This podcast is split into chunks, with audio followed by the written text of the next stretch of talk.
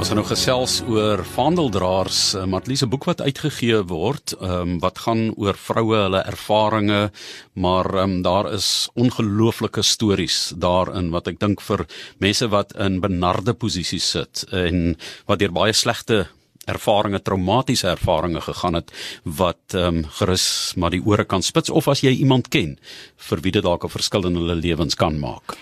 Ja, mens kyk ook na die groot uitdaging van slawerny en in hierdie geval dan sekshandel en seksslawerny. Griselda Grootboom wat haar storie met ons gaan deel. Sy is die stigter van Survivor Exit Foundation NPC.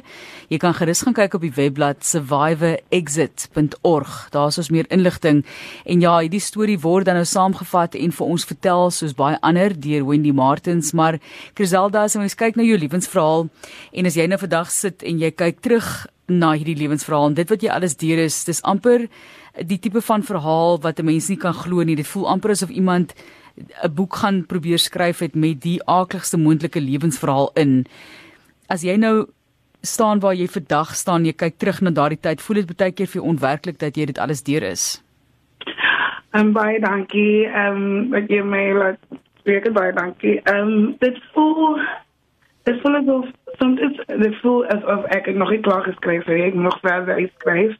En ehm um, wat ek boek geskryf het, dit was seker my eerste stap in in my waar ek my my ma en hoe ek voel as a, as 'n meisie en en hoe ek voel as 'n 'n ma, hoe ek voel as 'n jong meisie in Suid-Afrika. En en net weet dat mense gaan oor jou praat vir van die lewe en mense gaan vir jou jou naam roep maar iets gaan langsam kom. So daar's nog baie wat ek moet oorskryf met hierdie boek. Dit was net seker die eerste keer wat ek seker met myself kan praat het en eerlik wees oor die pyn wat ek deurgaan, ja baie moeilik Griselda om hierdie baie private en persoonlike inligting met mense te deel om openlik daaroor te praat. Jy is op die jong ouderdom van 9 deur 'n groep verkrag, later op 18 jy's verkoop in seksslawerny. Ons gaan vir jou vra om vir ons sover moontlik dit wat jy bereid is om te deel met ons te deel om perspektief te gee op die roeping wat jy tans in jou lewe gevind het, maar was dit moeilik om dit in woorde neer te lê en te weet mense gaan dit lees? Um dit was van ek ek ek moes dit geskryf het ek het weer oorgelees dit en en ek het so graag in my gedagtes sodat ek wat sodat ek dit sien en voel so wil ek geskryf het. En ek dink dis hoekom almal as hulle dit boek lees hulle sê dit is baie hard om neer te sit. Net so van hulle kan dit voel hulle heel dwars hier ehm um, en soms hulle rede uh, lees dit oor en oor. Ehm um, maar dit was dit dit was ehm um, baie hard om om my woorde uit te kry. Ja, ek het baie beklei. Ek het baie ehm um, sessions with the psychiatrist too. Ja. Ja. Ons kyk nou ook na die ervaring wat jy gehad het as kind en die verval in terme van ekonomie, apartheid, die effek wat jy op, op julle gehad het, jou pa ja. wat alkolikus word weens hierdie armoede wat jy ervaar het en dit was net hierdie glyskaal van swaar kry wat jy in verval het en ook in jouself toe jy op die straat opgeëindig het. Ja, as 'n straatkind van in die Kaap en en by die kinders gebly het, die kinders het kinderreis kan nie vir jou tot 'n uh, ouderdom wat jy het nadat moet jy weer so vir jouself sê nou moet ek weer survive. En om jy nuwe vriende soek. Dis ook ek vriende gekry wat ek tog het. Ehm um, ons is eerlik en on, ons ken mekaar baie goed uit deel deur het ons, ons gerook ons het baie dwalings gerook. Ehm um, ons het meeste van die tyd geleer hoe die gangsters vir ons laat leer om te steel en karre inbreek. Ehm um, maar die tyd wat ek nou met haar wil gaan bly het in Johannesburg ek moes geld gekry het en soms wanneer ek by die robot gestaan het in die aand um by Sonnebloem se kant en dit was it was always daai ding wat jy weet you are the outcast you know die jou jou jou oom op sy was gevat van nuwe mense gaan daar kom kom kom bou en jy het nêrens om te gaan bly nie van jou ouers het gesterf jou pa drink te baie van sy ouers sterf en dis so al daai traumaties goed is ek net voel like elke dag like you need to move you need to move. En so toe wat ek by die vriende uitkom it was like die straatse lewe was in my ons het tennis gerook ons het glo gerook. En toe dog ek sê my hoopgeet wat sy sê ek kan sy sal my like welkom in Johannesburg. Toe gaan ek weer na Johannesburg toe. Um ek het daar gekom ek was so bly dat ek is nou in 'n nuwe area en 'n nuwe plek en niemand ken my nie. En Honeywood the worry what the gangsters see. Um maar ek het geweet dit ander planne gehad, jy weet dis seker wat seker die grootste mense wat ek wil sê vandag dit dit maak my nog seer as ek dink dat sy dit sy dit aan my gedoen het. Soms dink ek ook you know, I had so many chances where people could have done what she did. Um maar die mense het dit gedoen. Ek kan nie verstaan hoe sy dit moet doen nie. So om vir te vergewe elke keer as ek my storie vertel is 'n bietjie hard. Ehm um, van as wat as Janus was toe kom ek ek ek, ek, ek glo ek het geweet gaan agter my kyk. Ek het agter haar gekyk onder die brug waar sy gerook is en so hoe sy sal sy sal niks sleg doen nie. Sy het my na kamer gewys en gesê my kos kan dit was die laaste keer wat kos het en ja. Ons gesels hier op RSG met Kerselda Grootboom wat haar storie van oorlewing eintlik met ons deel vandag en sy is een van die vaandeldraers wat vereer word deur daardie vertelling survivorexit.org is die organisasie wat sy gestig het. Ons gaan nou-nou 'n bietjie daaroor gesels Criselda om hierdie lewenservaring te neem en hoe jy jouself uit dit uitgekry het. Ek meen daar was daar was op 'n stadium eintlik dis hartverskeurende want jy het 'n kind gehad, die kind kon jy op 'n manier veilig uitkry en en met 'n ander geleentheid is jy geforseer om 'n uh, abortus te kry ja. dit is eintlik aaklig as 'n mens dink wat jy alles diere is daar, maar om jouself op 'n punt te kry waar gesê het, hier wil ek nou uit. So hoe het jy daar uit gekom met hierdie die feit dat jy eintlik as seksslaaf aangehou is? Ek het ek het baie deur het gewerk om uit te kom. Ek dink ehm um, sommige mense verstaan nie hulle dink ons probeer om religious te word dat as ek sê die kerk en God het my gehelp ehm um, Dit was ek die dieselfde lewe uh, kerklewe, kerklewe Marie Jesus.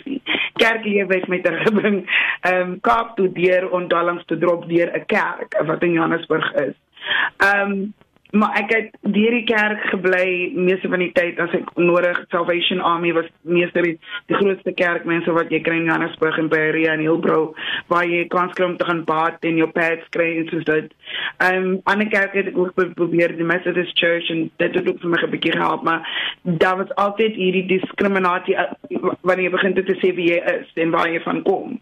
Ehm um, en van dit af het ek so 'n kans gekry van 'n 'n pastoor wat wat van van kom het en hy het vir my gevra kan ek vir hom dwellings kan drop in die Kaap en toe weet ek okay liewe Jesus ek weet nie wat maak jy in die kerk en so sê vir my kans gee net om my se te kom en verseker maak geen pim volg my nie ehm um, dan weet ek ek sal alles wat wat my lewe het is al vir jou nou. Toe kom ek terug Kaap, toe kom ek strek nou na my ma toe, toe gee ek vir geld. My ma seker ehm um, jou typical elke dag kyk liedjies se lewe gele, ge, gelewe waar sy in 'n poverty stage is ehm um, en you know substance abuse en ek het haar help gegee en toe het my liggaam nou begin te vir my te sê dit dis is nou tyd om nou uh, ons kliniek te gaan vir jou HIV test en dis waar ek ooit die Here gevra het like gaan jy my lewendig hou om vir my siek te maak of gaan jy my lewendig hou om my te gebruik? En sy hand was net so eerlik in my lewe. Toe ontmoet ek organisasies soos A21 um stop trafficking in Stellenbosch. En dis waar ek so begin te um other organizations. En dis wat ek vir embrace dignity ontmoet het wie wat my seker my eerste voetstappe of stability um um kom help as 'n survivor om my boek te skryf en ja en en meeste van die goed om te leer hoe om 'n storie te tel waar net die mense wat luister op televisie maar the high level of of of of of government and also the grassroots of organizations. En verstaan wat ons verduidelik as survivors as ons verduidelik en sê dat you know prostitution and sex trafficking is the same thing. En as ons weer terugvat na die apartheid toe al na Sarkie Bartman she was the first female that was ever sex trafficked and and be discriminated and violated. And this this this conversations ons moet hê as Suid-Afrika vroumens wit swart klering in dit ons moet daai tyd sit nie 'n conference van 'n van 'n kerk nie dit moet 'n kerk 'n moslim almal wat vroumense is moet in een kamer sit en probeer om begin te raai conversation te hê ja. Griselda jy het ook verwys na jou ervaring in die parlement hoe hulle vir jou gevra het om te gaan vertel want baie mense uh, gee hulle weergawe van die wêreld wat jy ervaar het maar hulle weet nie werklik wat daar aangaan nie. En jy het so tipe van gaan getuig in die parlement en dit was vir jou 'n uh, baie negatiewe ervaring uiteindelik toe jy opkyk, né? Ja, dit dit dit dit was ja, dit was seker die I, I would say die mooi kwaai baie kwaad ehm um, en ook proud by wat ek opkyk te is die meeste ehm um, officials in daai kamer ehm um, my kliënte in in in in die tyd wat ek in 'n braaisel geïnsleef was. En vir hulle was dit so die typical gesig waar jy dink jou storie is net 'n storie of dis waar jy gaan eindig dis dit um en vir my ek het geweet dat ek gaan verseker maak it's not the last table um en dis ook in 2017 was ek invite at the United Nations General Assembly for combating human trafficking and also being a global activist um survivor leader. Um en dis wat ek wat ek deurbring elke dag om vir mense laat weet dat it's not just this die armplekke waar waar kinders van maar rook of die dwalings nee dis mans mense wat in parlement sit dis mans mense wat in kerk sit dis polisie mense wat hierdie meisies se liggame koop. En dis waar ons begin te, te probeer om 'n probleem te solf voor ons by die grond en kom sê household needs to teach the girl child. Nee let's be honest about the justice that we're trying to understand of sexual exploitation and human trafficking. Griselda Grootboom wat ons gas is in 360 hier op RSG wat dan oor hierdie slawerny, seksslawerny praat en daar is 'n hele reeks boeke uitgegee oor formidable vroue van Suid-Afrika, hulle ervaring onder andere Suna Venter en Wendy Martins wat ehm um, hierdie boekies dan ook uitgegee, die vaandeldraers Tuli Madonsela ehm um, Caster Semenya, Vanessa Govender, Griselda Grootboom met wie ons dan nou in gesprek is en dan Zulani Mahola, hulle, hulle lewensverhale, dapper stories wat vertel word, ehm um, Elsje Neetling en maar Telise dit bly bly aangrypend om daarna te luister, maar soos jy gesê het, dit is eintlik skrikwekkend wat jy lees. Dit klink soos 'n gruwel roman. Dit klink nie 'n gruwel roman. Dit klink nie na 'n werklikheid nie. Tog is dit. Ek dink Ek sê altyd vir myself, jy weet, jy wonder wat gaan agter geslote deure aan en wat gaan in jou straat aan, wat gaan in die huis langs jou aan. En 'n mens is baie keer onbewus van die feit dat hierdie tipe van dinge wel in die gang is. Daar's baie werk wat gedoen word om mense bewus te maak van moderne of hedendaagse slawerny. Griselda, wat is jou woorde aan mense oor dit wat jy deur is. So wat moet ons indien jy nie omgee om ons verder te help en te inspireer nie, wat wil jy hê moet ons wegneem van jou lewensverhaal? Ehm um, ek dink ek het seker dit gesê hierdie jaar werk at CSW virtual conference. Ehm um, kan die mense begin te a face to the statistics. Want ons kyk altyd statistics, you know, 1000 what can is it for doing? En ek wil graag hê jy moet jouself in 'n kamer insit waar niemand mense inkom, jou skop, jou uittrek.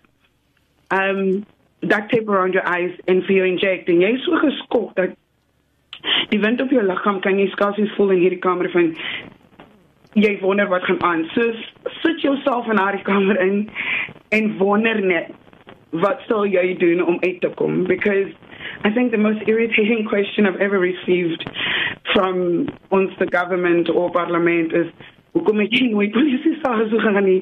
Of jy kom net sê en dan wanneer ek meeste van die klere wat ek gesien het op die vloer in hierdie braaisels wat hierdie mense wat jy sê my kom kom sê so i would basically tell parents and and um organizations engage werk met saam. Organisasies is baie besig met campaigns. Jou kinders wat hulle gebruik die nuwe vriende wat hulle het. Um vra vra daaroor. Um ons is in 'n wêreld waar jou jou kind se lewe is so gou so as it's just by a retweet. Dis hoe gou dit gaan. En hierdie COVID-19 alone with us, you know, working through internet, the higher rate of kids getting into porn ads, it's like it was just worse. Um, and the way they get into it through YouTube cartoons and meeting friends under comments. And so on safer hours as a belief, the devices your kids have, check it, block it, you know unrestricted dit is baie prolonged dit is jou kind. Um, en die laaste ding wat ons nodig is 'n phone call in die aand om te sê dis wat hy aangetrek het dit was die laaste keer. So ek hoop mense ook en ouers gaan kry die boek. En ja ek sal ek sal vra meerder gebed moet ons nodig en ons skole ook. Baie dankie. Griselda Grootboom met haar kragtige getuienis hier uh, as 'n vaandeldraer ook in Suid-Afrika.